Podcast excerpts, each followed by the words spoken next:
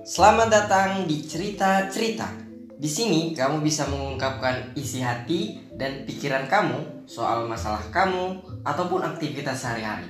Bersama saya, Satrio Bimo Wiguna yang akan bacain cerita kamu dan beri tanggapan, masukan, juga saran soal curhatan kamu. Yuk nongkrong di cerita-cerita.